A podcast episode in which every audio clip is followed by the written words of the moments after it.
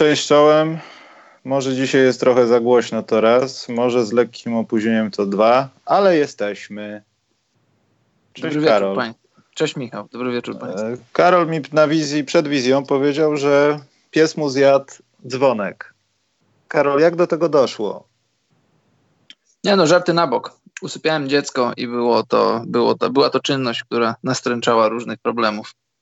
W końcu nie zjadł, nie, nie zjadł ci pies dzwonka jednak. Pies nie zjadł, bo nie mam psa. A, myślałem, że to był taki duży piesak berneńczyk na przykład. E, nie wiem, czy patrzycie, e, bo tutaj jakaś, e, jakieś rozgrywki nasze klubowe się zaczęły i Legia Warszawa gra z Sigalem Prysztiną z Kosowa, Karol. Mhm, słyszałem. Nie wygląda to za dobrze i pierwsza moja obserwacja, Karol, jest taka, że oni jakąś dziwną piłką grają, bo notorycznie zdarzają się jakieś takie przypadkowe złapania albo wypuszczenia piłki. Taka moja obserwacja, ale jak coś, to jest dostępne na YouTubie za darmożkę. Możecie sobie wejść, zobaczyć. Jeśli chcecie już poczuć smród sezonu zasadniczego we wszystkich ligach, to zapraszam. Chyba dzisiaj Karol bez newsików, co? Bo chyba nie ma za specjalnych newsików. Póki co nie. O, bardzo dobrze, że nie ma jakichś skandalicznych newsików, aczkolwiek y, zamęczymy bułę, bo dzisiaj miał być Kacpa i mieliśmy wspólnie już tak na sucho podsumować całe Mistrzostwa Świata, już nawet zostawiając temat Polski, ale zrobimy to dziś z Karolem. Tylko Karol, pytanie przedtem, czy mamy co nas wpienia jakieś? Tak, ja mam. Tak?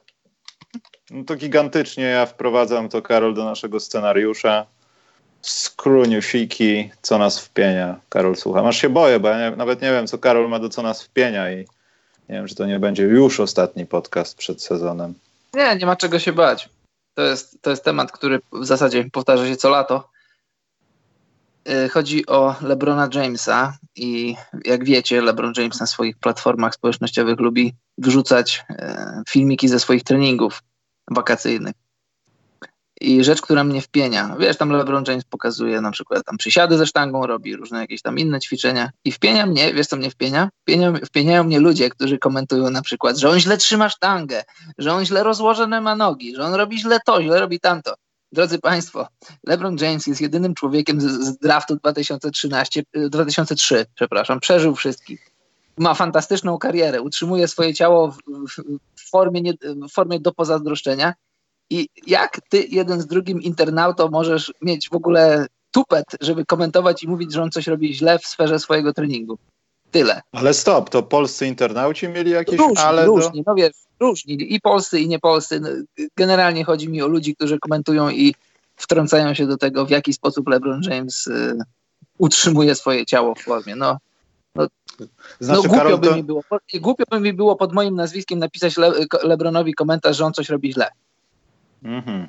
Natomiast mi byłoby głupio, gdybym wiedział o tym, a ci ludzie powinni zdawać sobie doskonale z tego sprawę, że LeBron James y, myślę, że ma ludzi takich od tego, y, że on może po prostu dobrze trzymać, a reszta źle.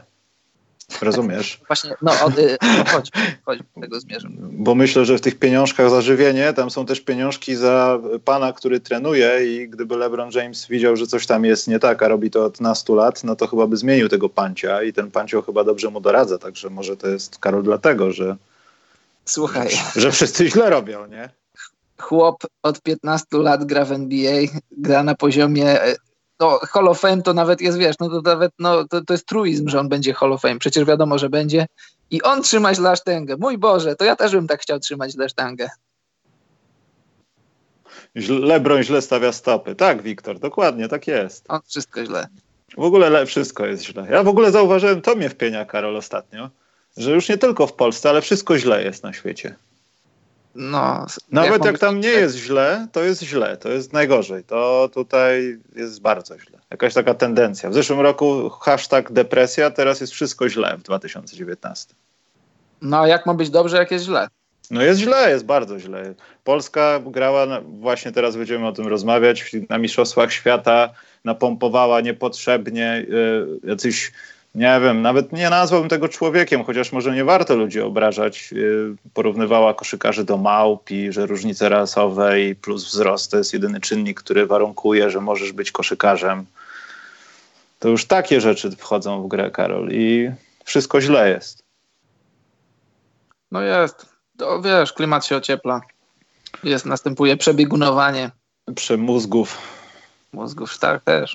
Chociaż Karol, woda się nie biegunuje, z tego co wiem. Chociaż są takie kiermasze dla ludzi, którzy wierzą, że pewne kamienie na przykład chronią cię przed promieniowaniem. Także ja to rozumiem. Polecam. Tak, Karol, jeśli miałbyś chwilę, to jest takie coś w internecie, co się nazywa Palhajs i tam jest taki jakieś tam kiermasz, targi, jak zwał, tak zwał i tam są ludzie, którzy na przykład mówią o tym, że jest taki kamień, który nazywa się ordonit, orgonit i chroni cię przed promieniowaniem z komórki, że jak sobie nakleisz to na telefon, to już nie promieniuje. To powstaje pytanie, jak nie promieniuje, to dlaczego dalej dzwoni? No ale zostawmy to. Wszystko jest źle. Dlatego podsumujmy to, co było źle na Mistrzostwach Świata. Nie? Dlaczego polskie A ciebie, ciebie nic nie, nie, nie wpieniło, ciebie nic?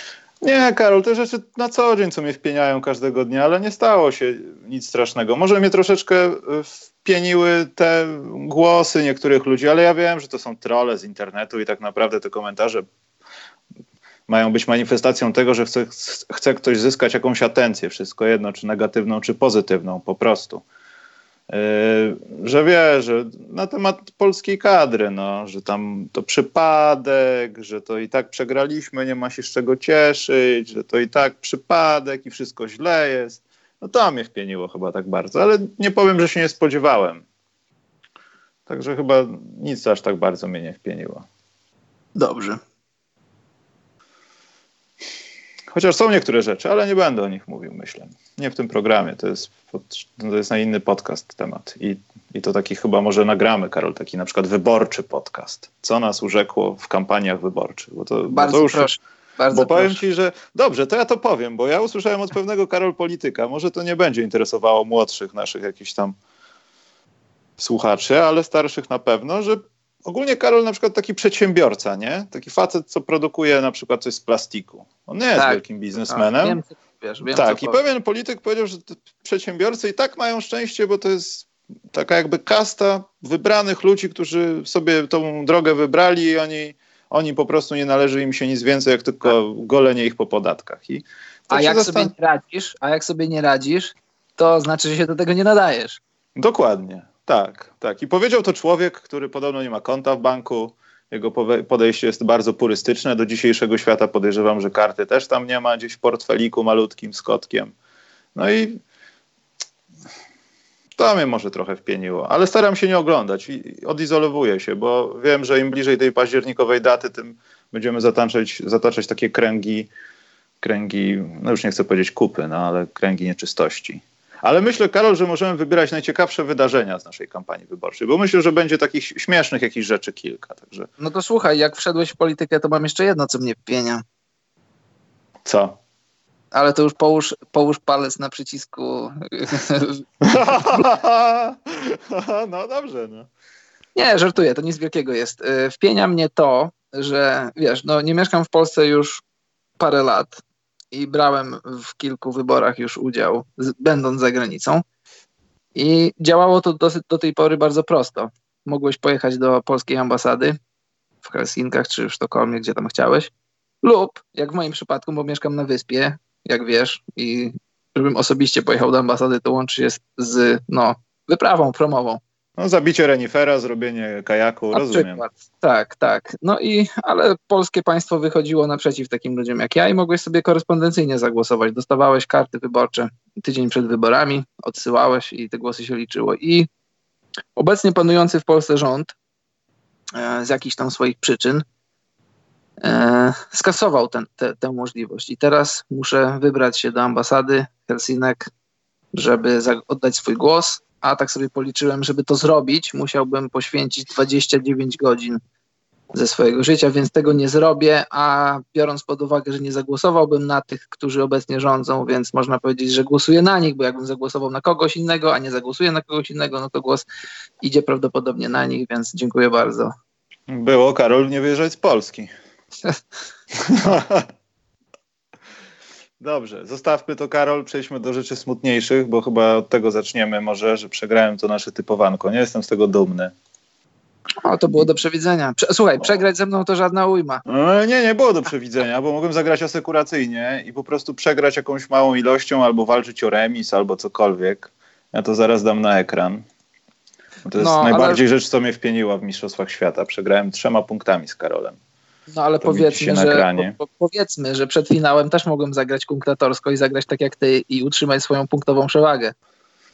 No niby tak, no ale wiesz, w zasadzie jak zaczęliśmy, właśnie nie było przewagi punktowej chyba, był remis. Nie, bo ja pamiętasz jak stawialiśmy, to ja postawiłem i wyszło tak, że decydującym starciem dla nas będzie starcie Hiszpania-Australia, gdzie ja postawiłem na Hiszpanię.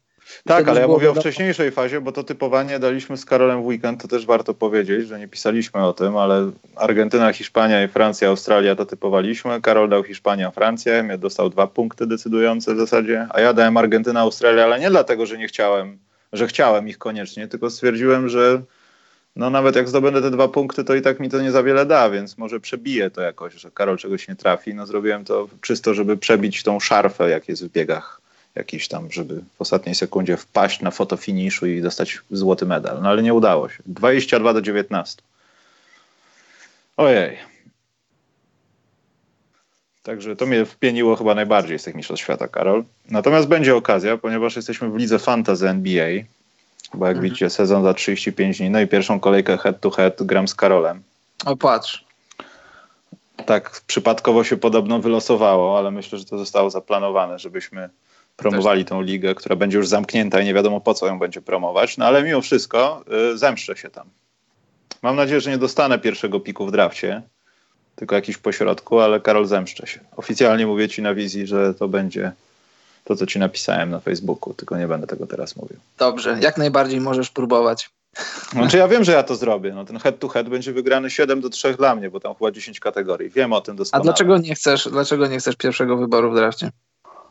Bo jeśli będziemy jechali wężem, to potem mam tam 17, bo czy tam będzie nas 20, więc będę miał potem, wiesz, no, Antony Davis albo, nie wiem, Ryan Arcidiacono potem. No nie, przesadziłem, no ale jeśli jedziemy wężem, no to 1,16 i w drugiej rundzie mam, e, mam ostatni pik. No ma to swoje plusy i minusy posiadanie jedynki, czy wysokich mm. pików. No ja wiem, że też drugi, potem to idzie proporcjonalnie, ale mimo wszystko chciałem tego uniknąć. Dobrze, ale żarty żartami, Karol, Mistrzostwa Świata się zakończyły. Może zostawmy ten temat naprawdę Polaków i tych małp z internetu, ale bardziej mówię tutaj o y, zespołach, które brały udział w tym finale. Przede wszystkim pierwsze pytanie, Karol, jak to wpłynie, to co się wszystko stało, że Ricky Rubio, Hiszpania, on MVP w ogóle i w ogóle, jak to wpłynie na niego, jeśli chodzi o karierę NBA? Bo tak naprawdę to może być taki albo super mega breakout sezon dla niego, albo może być tak, że te Mistrzostwa Świata go trochę mogły wypróć. I dalej będzie zawodnikiem dobrym, ale to nie będzie taki poziom, jaki widzieliśmy na Mistrzostwach Świata. Wiadomo, koszykówka będzie inna. No. On nie będzie, może będzie w Phoenix. No. Też tak druga myśl, że może tak być, ale, ale to inne warunki, inna gra i zastanawiam się, czy on to przeniesie, wiesz, na sezon. No, w takiej ekipie jak Phoenix. No. Tak, y, może się mylę, ale moim zdaniem to w żaden sposób nie wpłynie na Rickiego. Y, wiesz, no, pierwszy raz w karierze został MVP Mistrzostw Świata, zagrał świetny turniej, ale to nie jest jego odosobniony pierwszy turniej fibowski, w którym, w którym był dobry, w którym był wyróżniającą się postacią. I tak jak Przemek Kujawiński zawsze po takich turniejach mówi, że marzy mu się taki Rubio z FIBY w NBA, y, też chciałbym to zobaczyć, ale też, ale też wydaje mi się, że, że to się nie wydarzy. No bo Ricky Rubio on ma, no, on jest koszykarzem zawodowym już od wielu, wielu lat.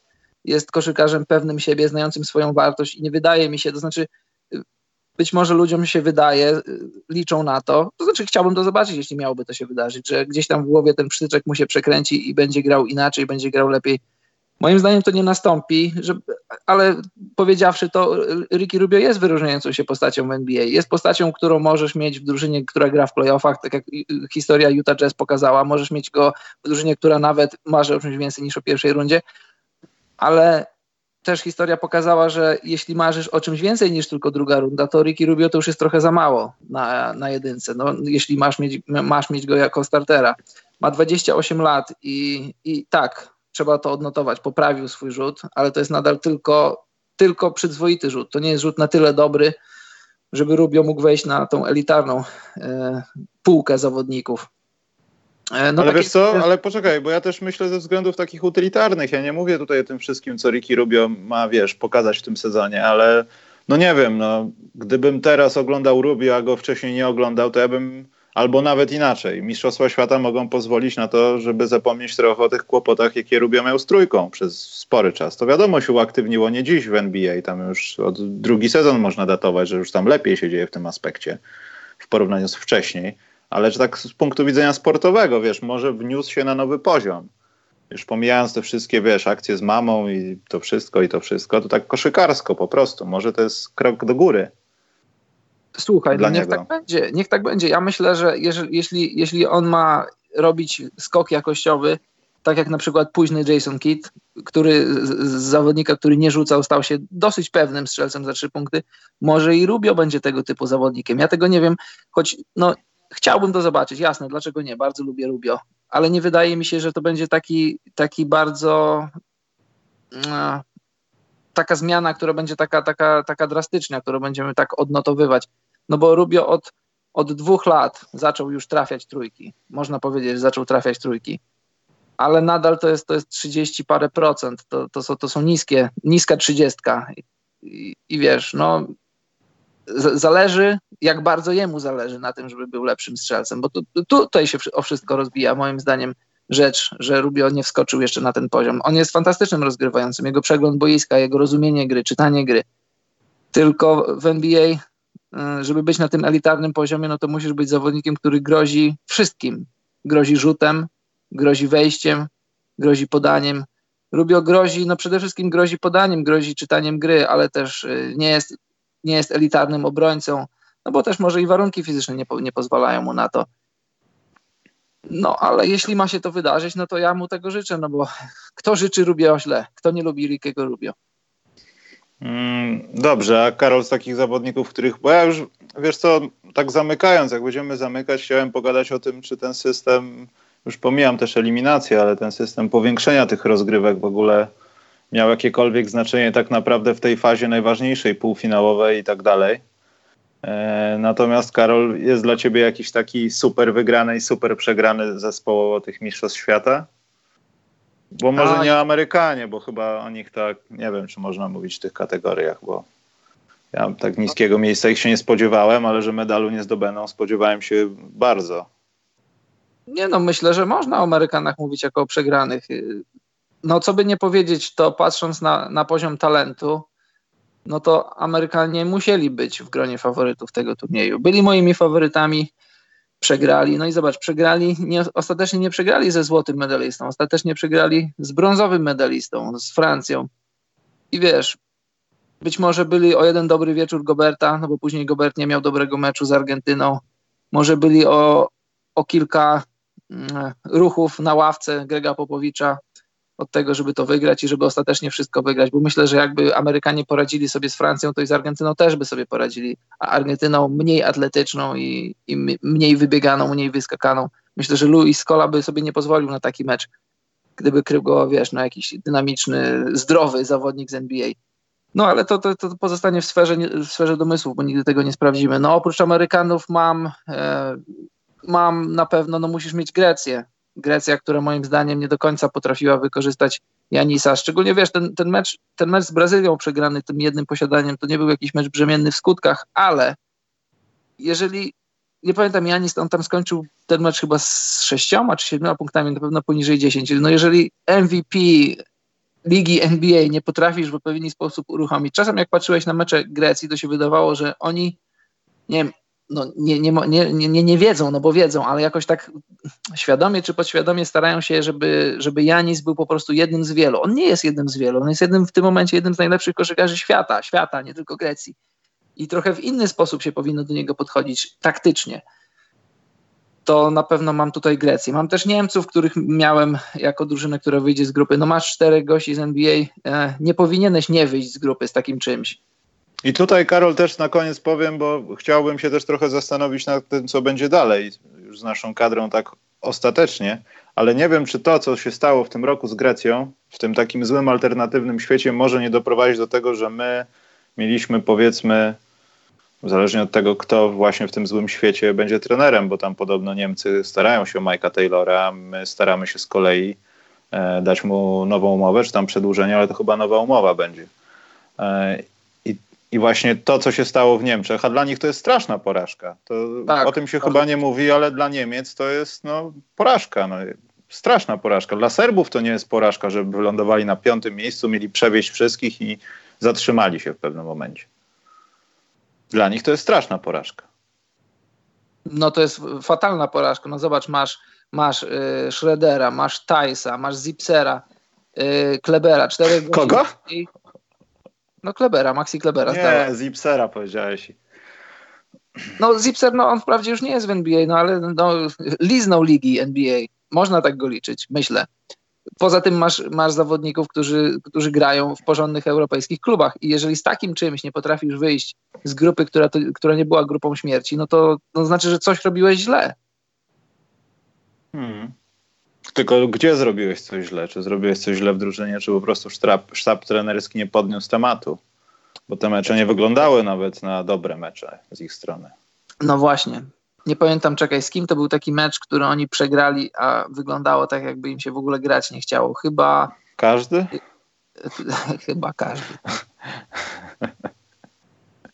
Masz coś jeszcze na tej liście tych takich najgorszych, bo ja dam swoją i przejdziemy do najlepszych. Takich. No wiesz, może nie jakichś takich super najgorszych, ale takich, którzy, którzy w moich oczach powinni byli być lepsi. No Turcja powinna być lepsza. Jeżeli grasz, no ostatecznie się okazało, że Amerykanie nie dowieźli, no ale jeżeli grasz z Amerykanami mecz, który przegrywasz w końcówce na linii, to, no to znaczy, że to znaczy, to znaczy dwie rzeczy. To znaczy, że jesteś na tyle mocny, żeby bić się z najlepszymi, no bo dalej ja ja nie mam Amerykanów jako, jako siódmej ekipy świata, no a dwa, że no coś, coś w psychice jest, że w psychice, no nie można aż tam za bardzo aż takich, takich wniosków wyciągać, no ale masz, masz mecz na widelcu, kto by to nie był, czy to byliby Amerykanie, czy to by były, byłyby zielone ludziki, masz trafić swój osobisty rzut i wygrać mecz, a tego nie robisz. Można powiedzieć, że trochę na własne życzenie. No i później przegrywasz z Czechami. Nic do Czechów, Czech, Czesi jedny, jedną z rewelacji tego turnieju, no ale gdyby, gdyby był turniej do, do, czterech zwycięstw best of seven, to ja bym brał Turcję nad Czechami, choć może, może się mylę, może już, może to już jest ten moment, kiedy musimy zacząć Czechów brać na poważnie na arenie międzynarodowej. Może. No, bo to na pewno będzie jedno z tych zaskoczeń, ale z tych takich y, na nie, no to te kraje, które powiedziałeś jak najbardziej, ale do tej grupy jeszcze bym dołączył Serbię. Mimo wszystko piąte miejsce to, to nie jest żaden skandal, ale patrząc na to, jak miała wyglądać ich droga, jak to wyglądało w tych grupach, to, no to oni mieli przewieźć połowę świata tym, z tym składem i tam miały dziać się cuda z tym składem, który też no, jest z NBA powiedzmy. To prawda. I, I to się trochę skończyło jak taka dobra, klasowa drużyna z top 4, która wjeżdża do playoffów. Pierwszą rundę przejeżdża w siedmiu meczach, namęczy się, ale w drugiej dostaje w sześciu od drużyny niżej notowanej, jest upset i do widzenia. I tak to trochę wyglądało. Aczkolwiek przeciwnicy byli bardzo dobrze przygotowani na to, co Serbowie robią, i tutaj chyba najbardziej zastanawiało to, że, to, że oni momentami nie potrafili odpowiadać, mając no, taki garnitur zawodników, który no, aż się prosiło o to, żeby robić to wszystko inaczej, ale też może trochę zabrakło szczęścia albo sił. Albo kilogramów mniej nie, niektórych zawodników, bo gdzie niegdzie tam mogło być Karol za dużo. No to już nie szkaluj tam nie. O, nie, nie szkalu, nie, zero szkalowanka. Słuchaj, powiem ci jedną rzecz. Nikomu nie życzę źle, ale w związku z, z porażką Serbów e, to trochę utarło nosa e, pewnej grupie Serbów, którą znam tutaj ze Szwecji, ze Sztokholmu. Jak wiesz, w Szwecji jest dosyć spora mniejszość z Bałkanów, przyjechali po wojnie i też w późniejszych latach. E, ja bardzo lubię, ja bardzo lubię ludzi z Bałkanów. To, to są tacy, no, charakterologicznie trochę podobni do Słowian, zresztą to są Słowianie do nas Polaków, lubią sobie pożartować i mają taki, wiesz, jeśli chodzi o koszykówkę, to mają taki specyficzny sposób bycia. Człowieku, przed, przed mistrzostwami nie da się z nimi pogadać, oni wiedzą, oni wiedzą, że to, to złoto to już, jest, to już jest ich, no nie ma dyskusji, nie było żadnej dyskusji z tymi ludźmi. Nie, człowieku, nie ma szans, nikt nie ma szans. Jokic, Bogdanowicz, człowieku, nie ma dyskusji. No to, no to tak trochę, trochę im utarło to. I no nie życzę nikomu źle, no ale tak wiesz, taki trochę przytyczek nos tym wszystkim. E, też ja to tak odbieram, jak patrzę na trenerów czy na sędziów y, z Bałkanów, to oni są tacy troszkę, że chcą uczyć jeść widelcem świat, jeśli chodzi o koszykówkę. Poczekaj, zerkam na czat, co się tam wyprawia się. Były jakieś pytania o Ligę Fantazy. Nie, wiesz co, chyba, poczekaj, komu odpowiadam, bo już nie wiem. Grzesiek Kłos yy, chyba, że mamy komplet, tak mi się wydaje, w tej fantazy. I Grzesiek powiedział też, że Serbowie przegrali jeden mecz. No ale to był taki mecz, który chyba musieliby wygrać, żeby udowodnić to, kim są po tych wszystkich y, grupowych historiach. I właśnie z tym jest problem. Największy problem dla nich, no, że przegrali ten najważniejszy mecz. Po prostu. No i za, za Georgiewicza to był nie pierwszy mecz, który powinni byli wygrać, czy musieli. No może nie musieli, ja jestem raczej przeciwnikiem mówienia, że co, ktoś coś musi zrobić. Raczej powinien Poza tym, żeby, przepraszam, żeby to wszystko uściślić, to Serbia przegrała dwa spotkania, bo przegrała ćwierćfinale przecież z Argentyną e, i przegrała w drugiej rundzie z Hiszpanią. I tak. z Hiszpanią wyglądała tak, jak wyglądało Porto Rico trochę e, kilka dni wcześniej w tej samej grupie, bodajże J, tak mi się wydaje. No, tak, przyszedł... do sprostowania, przerwałem, sorry. Ja już, ja już też w zasadzie kończyłem. przyszedł, przyszedł pan profesor Mark Gasol, dał wykład koszykówki, schował tornister i poszedł. Dobrze, a te takie największe plusiory? Plusiory. E, no to zacznijmy od nas, Polaków. I wiesz, żeby się nie pastwić nad ludźmi, bo już to mówiłem ostatnio. Tak, owszem, jest więcej niż siedem krajów, w których gra się lepiej w koszykówkę. I tak, owszem, byliśmy beneficjentem eliminacji. I tak, owszem, gdybyśmy byli w grupie y, z Litwą, z Turcją czy z innymi silnymi drużynami, być może skończyliśmy, skończylibyśmy ten turniej po trzech meczach i nie byłoby historii, nie byłoby niczego. Ale drodzy Państwo, to, to jest turniej. Okoliczności, okoliczności są takie, jakie są i musimy je brać gdybyśmy przegrali z Wenezuelą, z Chinami i, i, byśmy się mogli pośmiać, jak jesteśmy słabi. Chyba, wiesz co, mi się czasem wydaje, że, że ludzie w Polsce, znaczy Polacy, to lubią tak sobie ponarzekać, lubią, lubią przegrywać, żeby potem mieć na co narzekać, a, a, jak, a jak wygrywają, to jest tak trochę taki, czujesz się niepewny, co tu powiedzieć, co tu zrobić, no bo jak zaczniesz chwalić, to zaraz ciebie zaczną krytykować, że, że za bardzo się idziesz, wiesz, za bardzo się cieszysz. Wiesz, jak, jak, jak to mówią Amerykanie, never too high, never too low, nie ma za bardzo co się cieszyć, nie ma też co płakać. To był turniej, który na, na wielu płaszczyznach nam sprzyjał. Przede wszystkim zaczęliśmy od eliminacji. Drugie, bardzo łatwa grupa. No ale to, co, to, co musieliśmy wybiegać i wrzucać na parkiecie, to zrobiliśmy. I, i, I, przede wszystkim mówiliśmy to już wcześniej, powiem teraz, graliśmy piękną dla oka koszykówkę. To była koszykówka na tak, to nie była koszykówka archaiczna z lat 80., to była koszykówka, której system podobał się ludziom, generalnie w skali ludzi, którzy oglądali ten turniej w świecie. Podobał się ten system. I, i, z tego trzeba się cieszyć, a, a te różne dewagacje na temat tego, że, że, to, że to nic nie znaczy, bo to, bo tamto, bo przypadkowo z ruskimi, bo słaba grupa. Może i tak, ale po, po co nad takimi rzeczami w, danym, w tym momencie się zastanawiać? Więc Polska, tak, na pierwszym miejscu mam Polska, cieszę się. Super występ, super atmosfera wokół drużyny, profesjonalne podejście, że, że ludzie z innych sportów nagle zaczęli patrzeć, co się dzieje, nagle tren, zaczęli zazdrościć na Mike'a Taylora, który nie wiem z jakiego powodu, ale może mieć swoich przeciwników w Polsce, ale trzeba docenić to, że jest profesjonalistą, że jest takim, y, takim players coachem, który robi dobrą atmosferę wokół drużyny, nie tylko w samej drużynie, ale wokół drużyny. Super to się oglądało, super produkt i, i ja się cieszę. Szkoda, że tak słabo opakowane. Przepraszam, to, to choroba, bo to pogoda jest nie, bardzo niedobra, zimno się zrobiło. E, dobrze. Ja też chciałbym, znaczy wiadomo, no to jest wielki plus dla kadry Polski przez, z tego powodu, że to po pierwsze, byliśmy na jakimś turnieju międzynarodowym, na którym nie odpuszczaliśmy, walczyliśmy cały czas. Nawet gdyby po drodze w tej pierwszej grupie przydarzyło się coś niedobrego, to myślę, że byśmy szybko z tego wyszli i też jednostkowo patrząc na niektóre postaci z naszej kadry i tak trochę palcem pokazuje Adama Waczyńskiego, widać było, że oni się wewnętrznie tak trzymają dobrze. Wszystko jedno, czy się lubią, czy się nie lubią, bo to już jest taka sprawa trochę około koszykarska, ale starają się wspierać strasznie na tym boisku i, i może dzięki temu Adam odblokował się już w pierwszej grupie po tym no, nieciekawym chyba meczu z, z Chinami dla niego i znaczy nieciekawym. No, to było i, i, tak dobrze, bo dalej też były jakieś blokady, nie tylko u Adama, ale tam widzieliśmy kilku zawodników, którzy, no gdyby nie otoczenie, na przykład Mateusz Ponitka albo też Adam Waczyński, no to w następnym meczu by się jakoś tam nie odbudowali. To jest świetne, na tym polega drużyna. Ale obawiam się, że ludzie po prostu tego nie odebrali w ten sposób, tylko wiesz, tak jak ty powiedziałeś, dali się zahuczeć, że o, to było łatwe losowanie i tak dalej i byli przygotowani na to, że będzie porażka. Jak się nie udało, to i tak narzekanko i szkalowanko jest, Karol. I to w no, zasadzie przyzwyczaiła nas do tego piłka nożna, dlatego też nie ma się co dziwić z drugiej strony ale bardzo ważne jest to też, że no, nawet jeśli Amerykanie grali z nami o ósme miejsce i oni mogli tak kurtuazyjnie o nas mówić, to sam fakt dostrzeżenia tego, że ten przeciwnik gra z tobą i Greg Popowicz musiał nauczyć się naszych nazwisk i dowiedzieć się, co robi Chrycaniuk, który rzuca się na Milesa Turnera i wchodzi z nim w trash talking w tym meczu.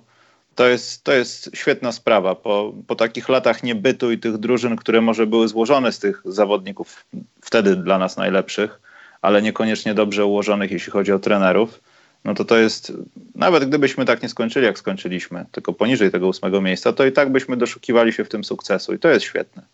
Oczywiście, tylko... a zobacz, y, sorry, no. że ci przerywam, y, tak historycznie grać przeciwko Amerykanom, nie ma, nie ma najmniejszego znaczenia, czy to był mecz o siódme, czy o ósme miejsce. Wyglądasz dobrze na tle zawodników, którzy są wyróżniającymi się postaciami w NBA nie są sami All-Starzy, ale było paru All-Starów i generalnie zawodników, którzy w lidze NBA nie są średniakami, są dobrzy, są lepsi niż, niż, niż, niż średni. I zagraliśmy dobry mecz, bo zobacz, Amerykanie roznieśli Japonię. Roznieśli ich. Japończycy fatalnie wyglądali, a my zagraliśmy dobry mecz, wyglądaliśmy dobrze. Ja się nie spodziewałem, że tak dobrze będziemy wyglądać. To prawda. Dobrze, jaka jest następna drużyna z plusiorem? Następna drużyna z plusem, no, no Argentyna, nie możesz nie mieć Argentyny. Ludzie, ludzie grubo po trzydziestce, ludzie, no. którzy, no. których, no, no Skola przede wszystkim, człowieku. Skola 39 lat, a on biega coast to coast, kończy akcję 2 plus 1, tak jak wtedy z Francją. Robi potężne double-double, kiedy wtedy z Francją chyba był 4 na 5 za 3 punkty. Albo jakoś tak. No, no super gość, super forma i zobacz, człowiek taki człowiek instytucja greckiej koszykówki. Nie pamiętam, znaczy wydaje mi się, że może było kiedyś, kiedy odmówił kadrze, czy po prostu nie było go na kadrze, ale zobacz, od, te, od tych Mistrzostw Świata 2002, a trzeba to datować nawet wcześniej, bo przecież trzeba liczyć te kadry młodzieżowe, w których z Ginobilem już tam grali i odnosili sukcesy. Czyli dwie dekady bycia w kadrze. Dzień w dzień, noc w noc, czy pada, czy nie pada. To jest coś, co trzeba szanować. Nie jestem za tym, żeby nie szanować zawodników, którzy nie, nie grają w kadrze, czy z różnych przyczyn rezygnują z kadry, ale jestem za tym, żeby, żeby wspominać i mówić dużo o tych, którzy, którzy w kadrze zawsze są. Nie, z kola powinien w jakiejś kategorii wiekowej dostać MVP za ten turniej. Naprawdę. To, to, co tam się wyprawiało już w walce o wyższe jakieś miejsca, to, to jest masakra. No, każdy chciałby być przede wszystkim tak utrzymany w tym wieku, tak się poruszać tak, i robić tak. takie rzeczy w takim odcinkach czasu, bo to też nie sztuka zrobić to w 5 minut, ale być na tym parkiecie, ach, to jest świetna sprawa. No. Typowy taki, czekaj, był kiedyś taki komentator, co nazywał takich zawodników turniejowymi i to chyba się akurat tutaj zgadza że Skola może potrzebował jakiegoś takiego momentu, no, bo gdyby to, to, przełożyć jakoś na NBA i na rozciągający się sezon, to byśmy nie zobaczyli go w, takim, w takiej formie, myślę, od tak. Chyba, że w jakiejś drużynie, która tankuje i on dostaje bonusy za to, co osiągnie w sezonie, wiesz, to może wtedy. Yy, dobrze, u mnie też jest Argentyna, ale w zasadzie, Karol, takim największym plusem sportowym chciałbym obdarzyć dwie ekipy. Pierwsza ekipa to, no pojadę mainstreamem, Hiszpania. To mi się strasznie podoba, jak takie drużyny przyjeżdżają na turniej, mają tych gwiazdorów, mają tych swoich takich pewnych zawodników, są najlepsi, ale mimo wszystko grają w taki kulturalny, przyjazny dla oka sposób. Tam nie ma Karol tak. żadnych problemów z odbiorem, tam się tak. nikt o nic nie kłóci. Jak graliśmy z nimi, działy się jakieś brzydkie rzeczy, zaraz Hiszpanie pomagali komuś podnieść się, zbić piątkę. No wiadomo, może coś tam sobie ktoś tam gdzieś tam powiedział, no to jest sport. Ale to takie takie eleganckie było, wiesz, Karol, takie te wpierdziele nawet na tych przeciwnikach były takie eleganckie. To prawda. I, to, I, pokazujące też, że ta drużyna była taka, że nie wiem, może ty też grałeś przeciwko takim ludziom, którzy wzbijali się w powietrze w ułamku sekundy, nie wiadomo skąd. Nie brali rozbiegu, tylko stawali na dwóch nogach i nagle są w powietrzu, a ty widzisz ich dół, dół shortów. I tak trochę wyglądała kadra Hiszpanii. Szli sobie na połowę, pogadali sobie, wrócili. Niby nic się nie zmieniło, ale już jest plus 20, bo ktoś trafił trzy razy za trzy punkty. I to było przepiękne, naprawdę. Bardzo Prawda. się cieszę, że takie drużyny zdobywają tytuły, a druga ekipa, bo też podobała mi się ich po prostu koszykówka. A mogę mieć, y, mogę no. ci przerwać coś o Hiszpanii, jedno zdanie? Możesz. E, mam podobne spostrzeżenie co ty, a takie porównanie, oni są tacy, jak taki gość przyjdzie, da ci pięścią w nos i poda ci chusteczkę, żebyś się otarł. To jest jedna rzecz, ale druga, e, ja roz, na Mistrzostwach Świata 2014 właśnie w Hiszpanii miałem okazję z Majkiem Krzyżewskim rozmawiać i o, w ogóle o, no, o odbiorze kadrów, kadry Stanów Zjednoczonych. I on powiedział, że w jakim składzie by oni nie przyjechali, jaki by to nie był turniej międzynarodowy, to oni wiedzą, mają świadomość tego, że po pierwsze e, muszą grać i muszą wygrywać, bo historycznie są obciążeni tym, tym brzemieniem, że są najlepsi i muszą nie tylko wygrywać, ale też robić to w dobrym stylu, ale też zachowywać się i w ogóle funkcjonować na arenie międzynarodowej y, w, w, w, nienagannym, w profesjonalnym stylu, bo wiadomo, że kibice będą do nich przychodzić, że będą chcieli robić sobie zdjęcia, że będą chcieli wchodzić w interakcję bardziej niż z zawodnikami innych drużyn i oni mają tego świadomość i to, to na nich ciąży. Na Hiszpanach jest tak samo, bo Hiszpanie, zobacz, od y, Mistrzostw Świata, powiedzmy 2006, ile Eurobasketów wygrali, na ilu, z ilu turniejów przywozili medale. I to też są ludzie, po pierwsze medialni, po drugie bardzo znani, po trzecie bardzo dobrzy. I w ogóle ten sztab trenerski, w ogóle cała kultura koszykówki hiszpańskiej, to jest tak trochę, wiesz, no masz gdzieś Amerykanów wysoko, ale ja myślę, że Hiszpanię musisz mieć zaraz na drugim miejscu za ostatnich tam 15 czy 20 lat. I oni też mają tego świadomość, żeby robić to w dobrym stylu. Bardzo dobrze to powiedziałeś, że oni wygrywają z ludźmi, ale tam nie ma jakiegoś takiego wożonka, jakiegoś trash talkingu. Oni robią swoje, ubierają się w garnitury i idą do domu.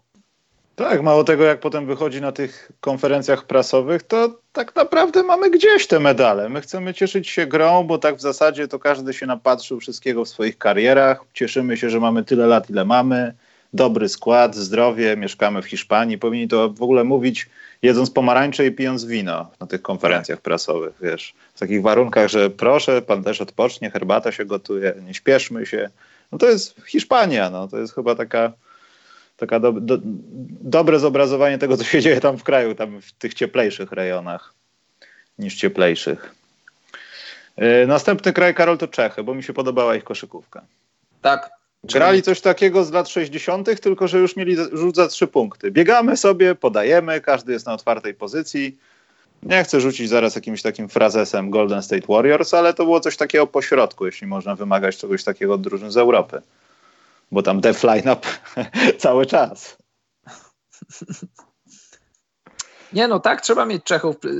Nowoczesny basket, który się podoba, bez względu na to, czy, to, czy ty jesteś, no jesteśmy Polakami, sąsiadami Czechów. Generalnie Polacy mają pozytywny stosunek do Czechów. Nie wiem, czy, czy, czy, czy to działa odwrotnie, trzeba było zapytać jakichś Czechów. No, ale bez względu na to, jaki to jest kraj, czy to jest sąsiad, czeski basket. Powiedziałbyś parę lat temu czeski basket, a tu proszę bardzo, na Mistrzostwach Świata nie tylko, że nie ma wstydu, nie tylko, że jest jakiś tam wynik, to, to, jest, to jest jakaś tam tożsamość tej drużyny i to jest dobra koszykówka, to jest koszykówka, która się podoba. Tak, i to się miło oglądało nawet, nawet przeciwko nam. Eee, też się dobrze oglądało. Nawet w porównaniu te mecze, bo wiesz co, przez jakiś czas miałem taką świadomość, że my trochę jesteśmy podobni tą kadrą do nich. W sensie nawet nie mówię tam, że wiesz, Satorańskiemu odbijało w ofensywie, u nas tak ze specjalnie nikomu nie odbijało, bo rozkładaliśmy to na ilość osób, ale wyglądaliśmy dosyć podobnie. Mhm. Plus minus. I to też ciekawie się z boku oglądało. E, jak, jak, co można zrobić z określoną grupą ludzi w inny sposób, bo tam też myśl szkoleniowa była trochę inna. E, za dużo stopów nie było, aczkolwiek też to dlatego powiedziałem lata 60., bo potrafili się zatrzymać, nie biegać, coś tam zrobić w jakiejś pseudoizolacji, jakieś podanko, zwolnienie tempa. To mogło się podobać. A następna drużyna to mi się Francja bardzo podobała. Nie wiem dlatego, to może, że, że tam byli zawodnicy, którzy walczyli o odkupienie swojej koszykówki. Jak e, jak pewien zawodnik, którego non-stop przekręcaliśmy w naszej telewizji. Właśnie, bo zapomniałem. Wiesz, Karol, jak się według komentatorów nazywał Miles Plumley przeciwko Polsce, grał? Mm, chyba uszło mojej uwadze jak. Plumi. Miles Plumi albo Plumley. Też spotkałem się z taką wymową, tak a propos nazwisk. Franek Nilkina tam troszeczkę się przypomniał ludziom. Troszeczkę sprawił trudności w wymowie. Tak, tak, też sprawił. Ale Francja też mi się podobała i plusik musi do nich trafić jak najbardziej. No i do minusików może ja bym dołączył jeszcze trochę Chiny, bo ja spodziewałem się, że gospodarz pokaże więcej. Ja wiem, że to no, byłoby nie. pewnie na naszej krwawicy, cierpieniu Polaka i to, że znowu gdzieś odpadliśmy, przegraliśmy dwudziestką, ale nie tyle to się zawiodłem, bo nie spodziewałem, nie wiem czego się miałem spodziewać, bo ja tych zawodników z Chin to tyle o ile, a też zbyt wielu się nie pokazuje gdzieś u nas tutaj. To no, trochę się zawiodłem, że to gospodarz, a tu taki, taki już szybkie do widzenia i jakieś. Takie... No ja tak samo, ja myślałem, ja zresztą rozmawialiśmy kilka razy, ja się obawiałem tego meczu z Chinami, no bo gospodarz, bogaty gospodarz, a tu taka wpadka. Znaczy wpadka, czy można mówić o wpadce? No może i można z racji tego, że byli gospodarzem, ale patrząc na skład Chińczyków, to to nie było coś, co, co powala jakichś wielkich tam talentów. 24 miejsce. No, słabiutko. 24 miejsce, my w ósemce. E, tu padło Karol pytanie, bo ja też chciałem o to zapytać. Gdybyśmy stop 8 byliśmy jedyni bez zawodnika w NBA, to, to też warto wspomnieć o tym, co zaprezentowaliśmy w ogóle. No. Bo to jest prawda. Oczywiście wiadomo, że w Czechach gra najlepszy zawodnik Chicago Bulls teraz, ale to prawda. Znaczy, czy w Argentynie? No dobrze, no to też prawda, no ale z drugiej strony to też pokazuje, że takie turnieje o niczym nie świadczą, gdzie grasz i tak dalej, tylko co prezentujesz. Wiadomo, no musiałeś przejść eliminację i awansować, ale co w ciągu tego tygodnia, dwóch jesteś w stanie zaprezentować na boisku. Po prostu. Także to też myślę, że nie miało większego znaczenia, ale to fakt. No. Ciekawy, ciekawy fakt do odnotowania. Yy, Karol, dobrze. Kończąc temat Mistrzostw Świata, które się na szczęście skończyły, bo już tych meczy było, przyznam, trochę dużo na początku, yy, to powiedz mi, czy akceptujemy taki system rozgrywek, jaki nam zaprezentowała FIBA? Czy myślisz, że e, nawet oni mogą szukać jakichś innych rozwiązań, w sensie eliminacyjnych nawet? Odpowiem dwutorowo. Jeśli chodzi o sam turniej, 32 zespołu, jak najbardziej mi się to podoba. Można narzekać, że te pierwsze mecze, szczególnie z tymi trochę outsiderami wielkiego grania, mogą się nie podobać. Jasne, mogą, jest w tym sporo racji i w ogóle ten system taki, że jest pula sędziów też y, z różnych tam egzotycznych, niekoszykarskich krajów, też się to może nie podobać, ale moim zdaniem ma to, y, jest trochę uroku w tym, że jeżeli mówimy o turnieju globalnym, o mistrzostwach, a to, są, a to przecież jest turniej globalny, bo mówimy o mistrzostwach świata, no to dajmy szansę, nie, nie, nie odtrącajmy tych, tych różnych tam y, Angolii i tych różnych Filipin, dajmy im pograć, niech będą 32 drużyny, podoba mi się ten system, niech on zostanie, tylko jeśli chodzi o eliminację właśnie, E, no my byliśmy jednym z beneficjentów tych eliminacji, ale generalnie nie jestem fanem tego. Chciałbym, żeby, żeby te eliminacje były tak bardzo transparentne i tak bardzo czyste i tak bardzo równe, jak tylko się da. A wiadomo, że jeżeli robisz tak zwane okna dla reprezentacji w październiku, czy później tam w styczniu, czy w marcu, to wiadomo, że, że na 100% wiadomo, że wykluczasz sobie zawodników NBA i na, na wiele procent, że wykluczasz sobie zawodników Euroligi. Niektórzy dostają wolne, niektórzy nie dostają, generalnie nie dostają, ale na 100% zawodnicy NBA nie dostają. I na przykład no daleko nie muszę szukać na Finlandia. Finlandia była o, o włos, o przecięty włos od zagrania na tych mistrzostwach. Byli w grupie z ruskimi, z którymi przegrali po dogrywce u siebie, choć już prowadzili wysoko. Przegrali z Czechami, z tymi Czechami, którzy byli rewelacją turnieju, więc być może Finowie też byliby, mogli być rewelacją turnieju. Z nimi przegrali na wyjeździe pechowo i u siebie pechowo. Oglądałem oba mecze, oglądałem, no śledziłem Polskę śledziłem Finlandię na tych, na, w tych eliminacjach, więc wiem co mówię.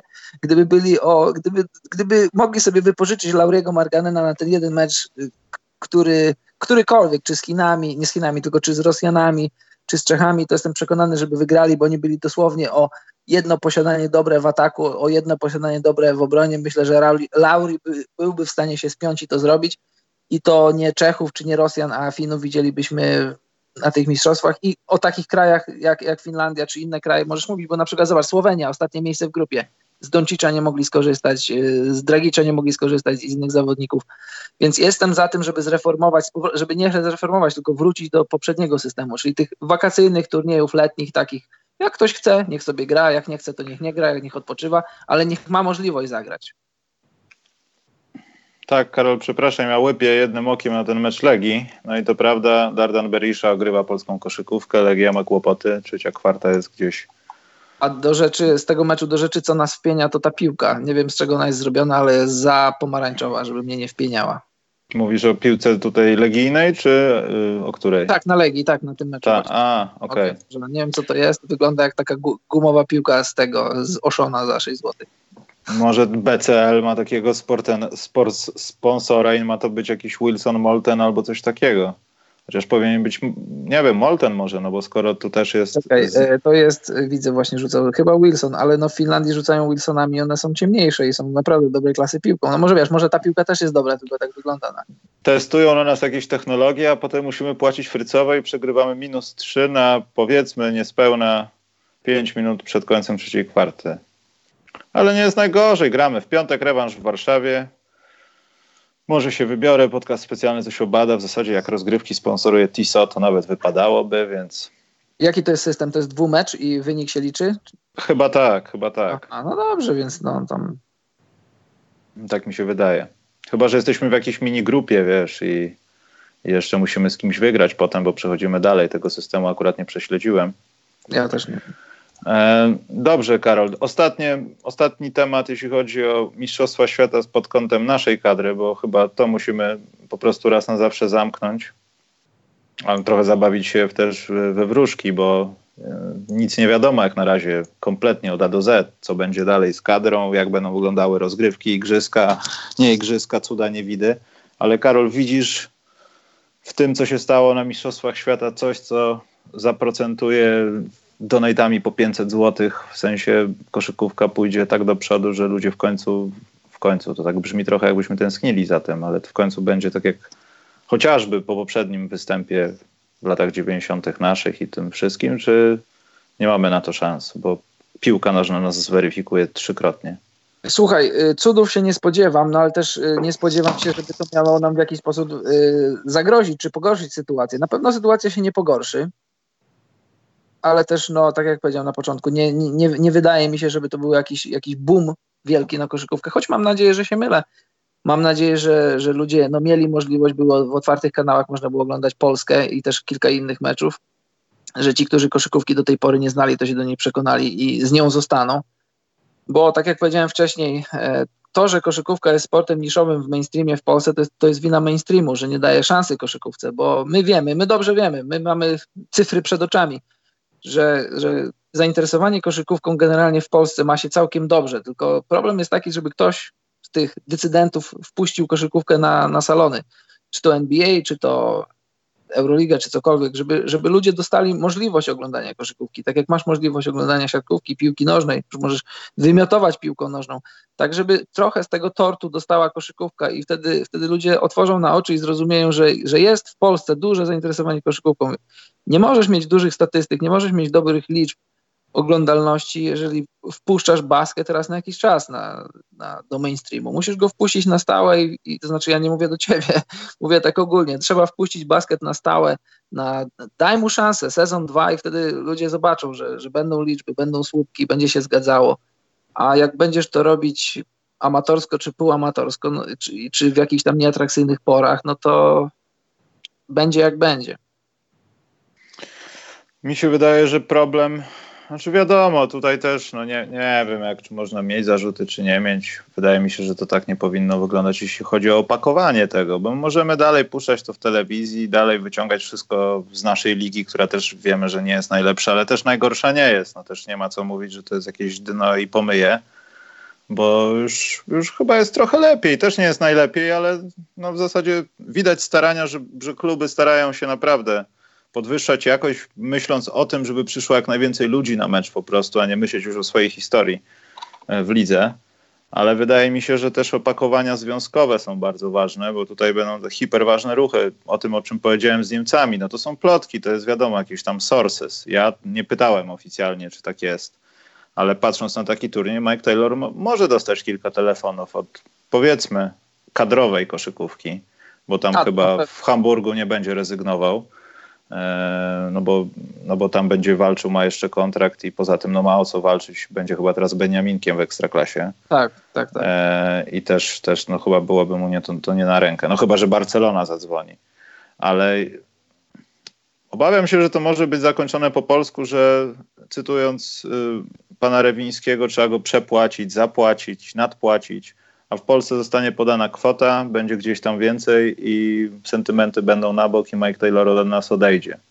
I wtedy będzie bardzo trudno, nawet z jeszcze lepszymi zawodnikami, którzy gdzieś się objawią młodego pokolenia w ciągu kilkunastu miesięcy, będzie zrobić coś od nowa albo przynajmniej utrzymać to, co się działo bo nie wyobrażam sobie nikogo, kto by wszedł teraz w to położenie, gdyby się pan, panowie nie dogadali, jeśli chodzi o kontrakt i żeby zastąpił go tak jeden do jednego, żebyśmy przeszli powiedzmy do tych eliminacji Mistrzostw Europy, Igrzysk, cokolwiek, tak łagodnie.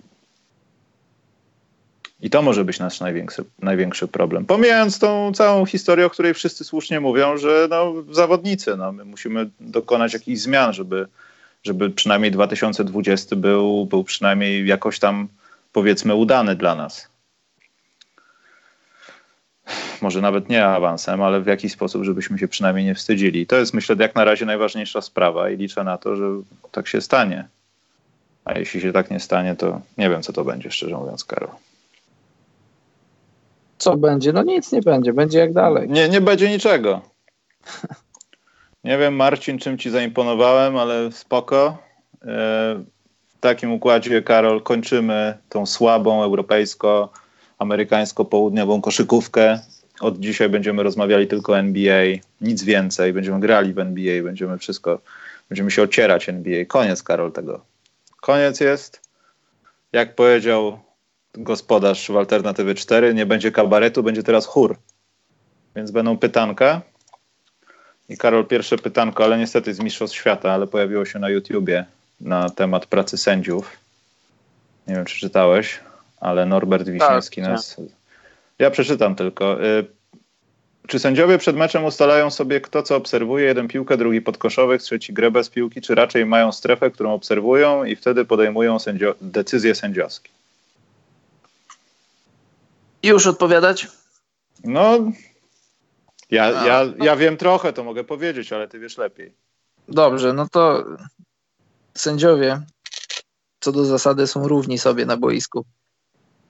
E, I od tego zacznijmy i na tym zasadzie moglibyśmy skończyć. To nie jest tak, a to już, to, wiesz, to podobne pytanie ostatnio ktoś mi zadawał. Kto patrzy na co?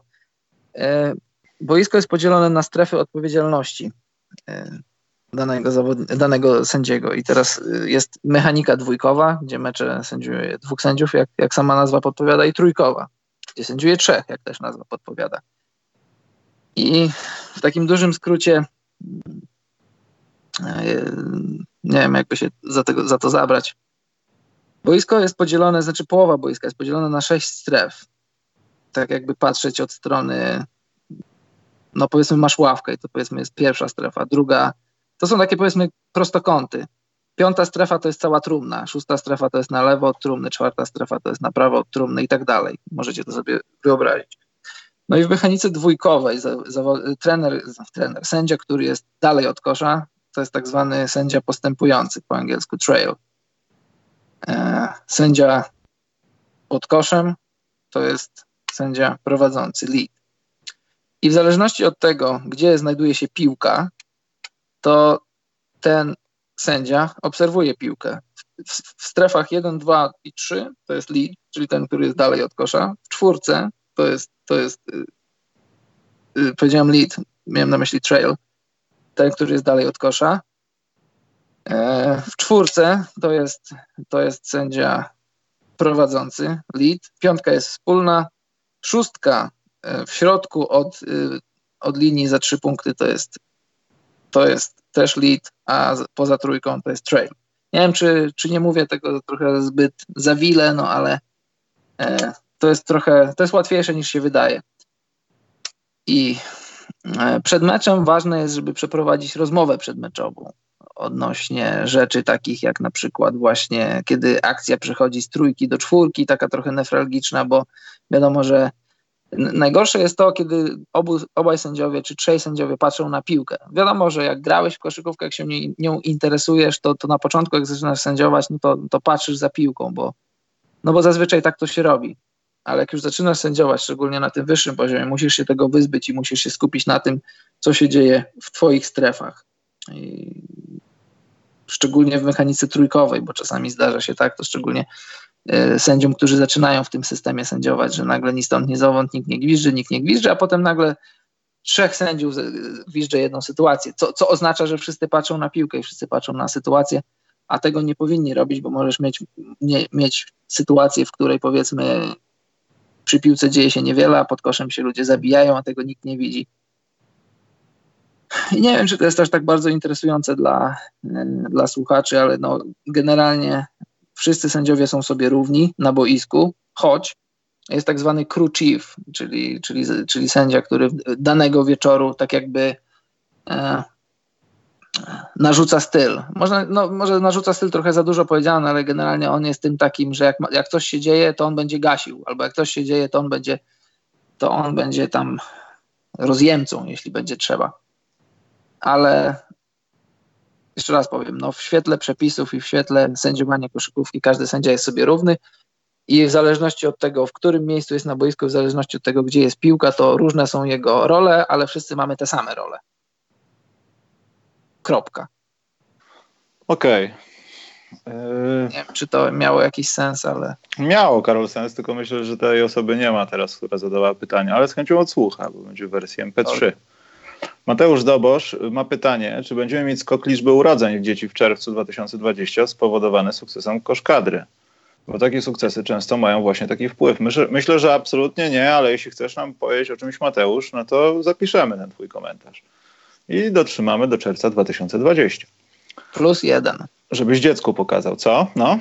Że plus jeden. Czy A, plus, plus jeden. No, plus jeden. Yy, Paweł Mirek właśnie tu zadał ciekawe pytanie i w zasadzie trochę storpedował plan gry. Ale czy mówiliście coś o zlocie fanów Bulls i ich gościu specjalnym? Nie, nie mówiliśmy, ponieważ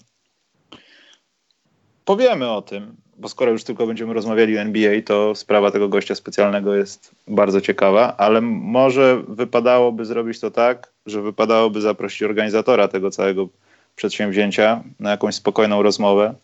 Ja mogę tylko powiedzieć, że to, Karol, ty, ty pewnie wiesz, no może też miałeś tak, to samo, ale ja miałem taką sytuację, że ja miałem na suficie naklejone plakaty, wiesz, Magic Basketball, wiesz, nieleczone, nieleczone schorzenie. No i ja zawsze, ja, ja szanuję Chicago, bardzo kocham zespół mój i tak dalej, ale ja zawsze doceniałem tych takich Jadów, Michlerów. Oni byli nawet fajniejsi niż Scottie Pippen i Michael Jordan. I Mar Marcus Fizer, Pfizer i Jason Caffey byli zawsze na suficie gdzieś blisko, jak wstawałem gdzieś do szkoły, to motywacja o Jason Caffey to wstaje.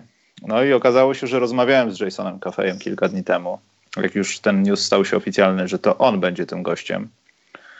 Trochę się zmienił pan Jason Caffey, no ale nie mogłem oddychać, kiedy go z plakatu zamienił ze mną dwa słowa i zobaczymy się koniecznie w marcu odpisał, więc to naprawdę będzie ciekawa impreza. Nie, nie będę podkręcał teraz atmosfery, ale naprawdę będzie ciekawie i myślę, że im bliżej tej, da tej daty, no to będzie tego więcej. Może podcast specjalny z tym gościem, dlatego Paweł Mirek storpedowałeś to trochę. Myślałem, że ukryjemy to. I to będzie fajna historia, bo w zasadzie ten gość jest tak otwarty i nastawiony na to, żeby wziąć udział w czymś takim, co no, społeczność Chicago Bulls bierze udział, a to z roku na rok jest coraz lepsze. Yy, więc wydaje mi się, że to jest też taka fajna fajna też taka, nie wiem, no, jak to nazwać, chuba, która rośnie koło tego drzewa koszykówki, które ma się rozwijać. I to też może spowodować, że zobaczymy kilku Waczyńskich na tym zlocie na przykład i główna część rozmowy w nieoficjalnej części spotkania będzie o polskiej kadrze i o tym, jak grała z USA na przykład. I to też jest ważne, no, to też jest jakiś składowa sukcesu. O. E, Karol, jest następna sprawa. Jesteś Karol, czy umarłeś już? Umarłem, ale narodziłem się na nowo. A, dobrze. Jesus. W takim układzie Mateusz Dobosz y, a propos tego pytania napisał nie, bo pamiętam badania z socjologii, jak sprawdzali ilość urodzeń w Barcelonie po sukcesach FC Barcelony i różnica była bardziej niż znacząca statystycznie. Wiesz co, może byłeś w Barcelonie, tam na, nie chodzi o piłkę. Tylko tyle powiem. Więc to chyba tyle, Karol. Edukowaliśmy ludzi właśnie teraz na temat liczby urodzeń. Bardzo mi się to podoba. Gadaliśmy o polityce. Yy, Paweł Mirek coś, ale sorry. A, za torpedowanie. Dobrze, spoko. I tak miałem o tym powiedzieć. Yy, co ja chciałem powiedzieć z Karolem? Tylko Karol jest oporny teraz, ale czekam na niego. Będziemy udawali pewnie może w przyszłym tygodniu gamerów YouTube'owych. Karol, jak się czujesz jako gamer YouTube'owy, taki debiutujący? Bardzo dobrze.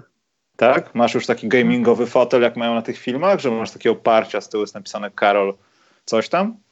Lepiej. Mam fotel z oparciem z prawdziwej ławki NBA. Uła, no to... Wziąłem, ja... sobie, wziąłem sobie z Londynu dwa lata temu. No to cudownie. Dlatego miałeś nadbagaż. Rozumiem. Może dlatego. E, słuchaj, ale e, musimy powiedzieć, że najpierw zrobimy testy, czy to przejdzie, w sensie, czy będziemy mogli to kontrolować i no i też będziemy mieli jakieś rzeczy do rozdania. Głównie to będą klucze na PC, myślę, ale coś na konsolę wyszarpiemy. Nie wiem, jaki będzie konkurs jeszcze i będzie czego dotyczył, ale na pewno to przeprowadzimy.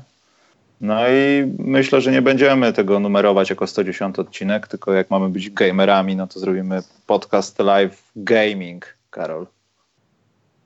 Dobrze. Coś takiego. No i nie wiem, o czymś miałem powiedzieć, ale zapomniałem pewnie, także jak coś napiszę o tym na Facebooku i może na Instagramie, wpadajcie na Patronite, wpadajcie na Donki. Właśnie, Karol, nieładnie, poczekaj, bo wiesz po czym można rozpoznać, że sezon NBA się zbliża? Że wchodzą Donki. Nie, że Karku wysłał Donka. Zapomniałem A, o Donku Karka, który właśnie teraz wjeżdża. Na wódkę dla Michała Taylora i jego komandy z wami przegrać to jak wygrać. Mam nadzieję, że zaraz się. O, o, właśnie, pojawia się. I Karol jest drugi Donek, tylko, tylko w zasadzie jest może nieelegancki dla ciebie, ale. Y, bo chodzi o to, że podczas naszych komentowań na żywo z Bartkiem PayPal, sposób płatności PayPal nie działał, coś tam się y, skrzaczyło u nich w systemie. Ja nie mhm. byłem tego świadomy, dopiero to uruchomiłem i Piotr, który wszedł na naszą top 5 GMs, E, wysłał nam stóweczkę i tutaj jest taki tekst, ja to właśnie publikuję. Dobrze, PayPal znów śmiga, zaległy donek za live w czasie mundialu dla was i Bartka. Więc musimy to na trzech podzielić, Karol. Dobrze. Walia słucha i pozdrawia. O, widzisz, w Wali Piotr jest, także tam muszą dobrze zarabiać. Musimy tam zacząć podcastować. Mhm, po walijsku. Po walijsku. Po konwalijsku. No i Legia przegrywała dziewięcioma. Na początku czwartej kwarty, chciałem powiedzieć siódmej ale po kilku minutach się ogarnęła i jest minus 3 na 7.20 przed końcem. Jak coś, to wchodźcie na YouTube'a, może zdążycie obejrzeć jeszcze ten mecz. Dobrze, Karol, w takim układzie kończymy. A, jeszcze jedna rzecz. W tym tygodniu jakiś podcast specjalny będzie z, na temat praw zawodników i tak dalej. E, chyba będzie ciekawa rzecz, także sprawdzajcie tym bardziej Facebooki nasze i różne tam SoundCloudy i tak dalej i myślę, że środa, czwartek coś będzie nowego. Karol, czas na twoją kwestię idziemy. Dobrze, drodzy Państwo. Dziękujemy za dziś. Proszę o wybaczenie, jeśli chodzi o moje spóźnienie, ale tak jak powiedział Mark Gasol po zdobyciu tytułu, koszykówka to jest ważna rzecz, ale nie, nie najważniejsza w życiu. Dzieci, dzieci są przyszłością. I to tyle. Dobranoc, mili ludzie.